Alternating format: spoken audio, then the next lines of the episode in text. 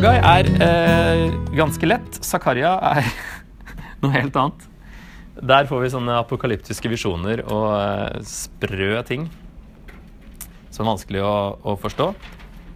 Samtidig som Hagai, det så vi også i Esra, og han overlapper så vidt. Jeg tror det første budskapet hans overlapper med Hagai. Eh, bygg ferdig tempelet, så Messias kan komme. Det er egentlig samme som samme budskapet som Haggai, men han fokuserer kanskje mer på omvendelsen. Mer enn Hagai eh, fokuserer på selve byggingen av tempelet. Så snakker han om omvendelsen av, av folket. Dere skal lese bare de første De såkalte nattvisjonene. Eh, første seks kapitlene. Og de Det er åtte sånne. Åtte visjoner som han ser i løpet av natta. Og um, de har en struktur, en såkalt kiastisk struktur. Der det de er paralleller, den første og siste og den andre og den nest siste, som dere ser. Fargede hester i første visjonen med et universelt fokus. Og den siste fargede vogner, også med et universelt fokus. Den neste har horn og smeder. Altså Visjonen har to deler, og den har en, et internasjonalt fokus.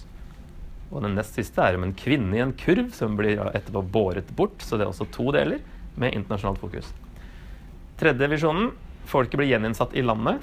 Det handler om et mål. En måleenhet. Har et nasjonalt fokus.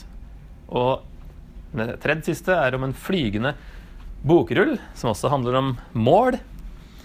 Um, og har et nasjonalt fokus. Og så har vi sentrum. I sånne her kiastiske strukturer så er det alltid da det i midten som er viktigst.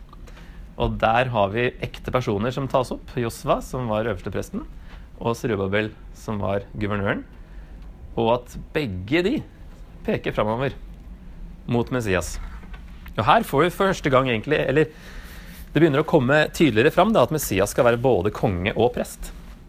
Både konge her i Serubabel og prest fra Josva. Så er jo Josva samme navn som Jesus på hebraisk med alle disse visjonene så er poenget det å oppmuntre dem om at Gud har kontroll, det, det, er trygt, eh, og de kan bygge. De må bygge, og at noe stort skal komme ut av dette her. Og at resultatet vil sprenge alle grenser i at Messias kommer. Så De første seks kapitlene er da disse åtte nattvisjoner om at Gud har kontroll, og de må bygge. Så har vi kapittel sju og åtte eh, som handler om at folket må endre innstilling for å få tempelet ferdig, slik at Gud igjen kan bo blant dem og være deres Gud. Der skulle det vært og være deres Gud. Beklager. Og de kan være hans folk. Kapittel 9-11, det er et spørsmålstegn. Der er det, der er det liksom sånn fritt fram. Hva er din tolkning? Det er eh, noe Jesus her og der, noen sitater eller ting som tas opp og siteres messiansk da, i Nytestamentet. Men ellers er det bare sånn Hva i all verden er det som skjer her? Det er noe av det vanskeligste i Gamle testamentet.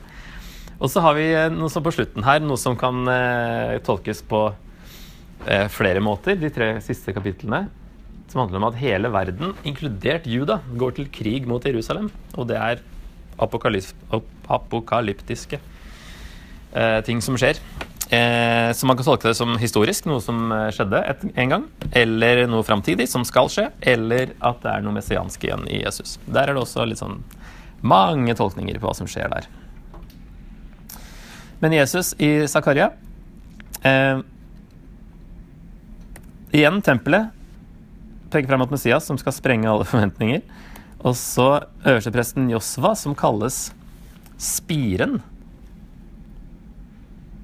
Det er jo et ord som profetene bruker. Jesaja og Jeremia snakker om spiren. Skal vi se hva Zakaria sier her i 3.9. Her var ikke 3.9, så står det at han skal ta bort uh, all skyld på én dag. Uh, spire står i vers 8, ja. For se, jeg lar min tjener Spire komme. Og så står det at uh, jeg stryker ut dette landets skyld på én en eneste dag. Så det eh, Josva den andre igjen, da, Jesus, han skal ta bort all skyld på én dag. Det nevnes også i Åpenbaringen 5. Og og 22 har jeg skrevet opp. Dette at de bruker dette spiret ja, Davids rotskudd nevnes i åpenbaringen 22, 16. Det er jo rotskudd og spire. Det er eh, synonym. Så det er, eh, de tolker det her som, eh, som Jesus tydelig i, i Nytestamentet. Eh, Jesaja 11,1, er det ikke det? Det er også snakk om noe sånt. En kvist skal skyte opp fra Isais stubbe, et skudd skal spire fram fra hans røtter. Så spire, rotskudd, kvist, det er Messias ord. Serubabel peker også fram mot Messias, sånn at spiren han, Det er i kapittel 6 at eh, det hintes om at han skal være både prest og konge. Eh, tydeligst, da. 6, 9-15 så står det noe om at han har eh, to kroner. Det er én trone Altså Det står om spire der også, i vers 12. Se, en mann, spire er navnet hans. Under ham skal det spire. Han skal bygge Herrens tempel. Ja, han skal bygge Herrens tempel. Han skal vinne høyhet og sitte og herske på sin trone. Også en prest skal ha sin trone. Mellom de to skal det råde fred. Kronen står det om, da. Det er én krone, men det er en prest på en trone, og det er en konge på en trone, og det er fred mellom de. Så det er en sånn bilde på det her at de, de fusjoneres, de to.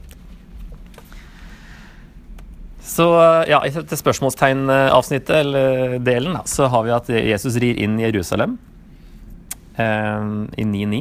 Og Judas 30 eh, sølvstykker hentes også eh, blant annet herfra. Det er noe fra Jeremia også. Og dette uttrykket 'slå gjeteren så sauene blir spredt', som i hvert fall står i Markus 1427, det er fra den siste delen. Og så har vi da det slutter med løvhyttefesten i Zakaria. Og det er også sånn, Mange av de småprofetene slutter med masse vann. Og det var mye vann. Det var vann de, regn de ba om på levetefesten, og de hadde en prosesjon med vann fra Siloam-dammen, og de helte ut ved tempelet. Og det er da Jesus står opp i Johannes 7 og sier 'Kom til meg, jeg har det levende vann'. Så sånne vannting også. For det første brukes vann som symbol på ånden i GT. Og Jesus tar opp den og sier at 'jeg har det levende vannet'. Det vil si Den hellige ånd. Eh, så det kan være denne løvetefesten snakkes om på en spesiell måte på slutten her, som da kanskje Jesus oppfyller den også.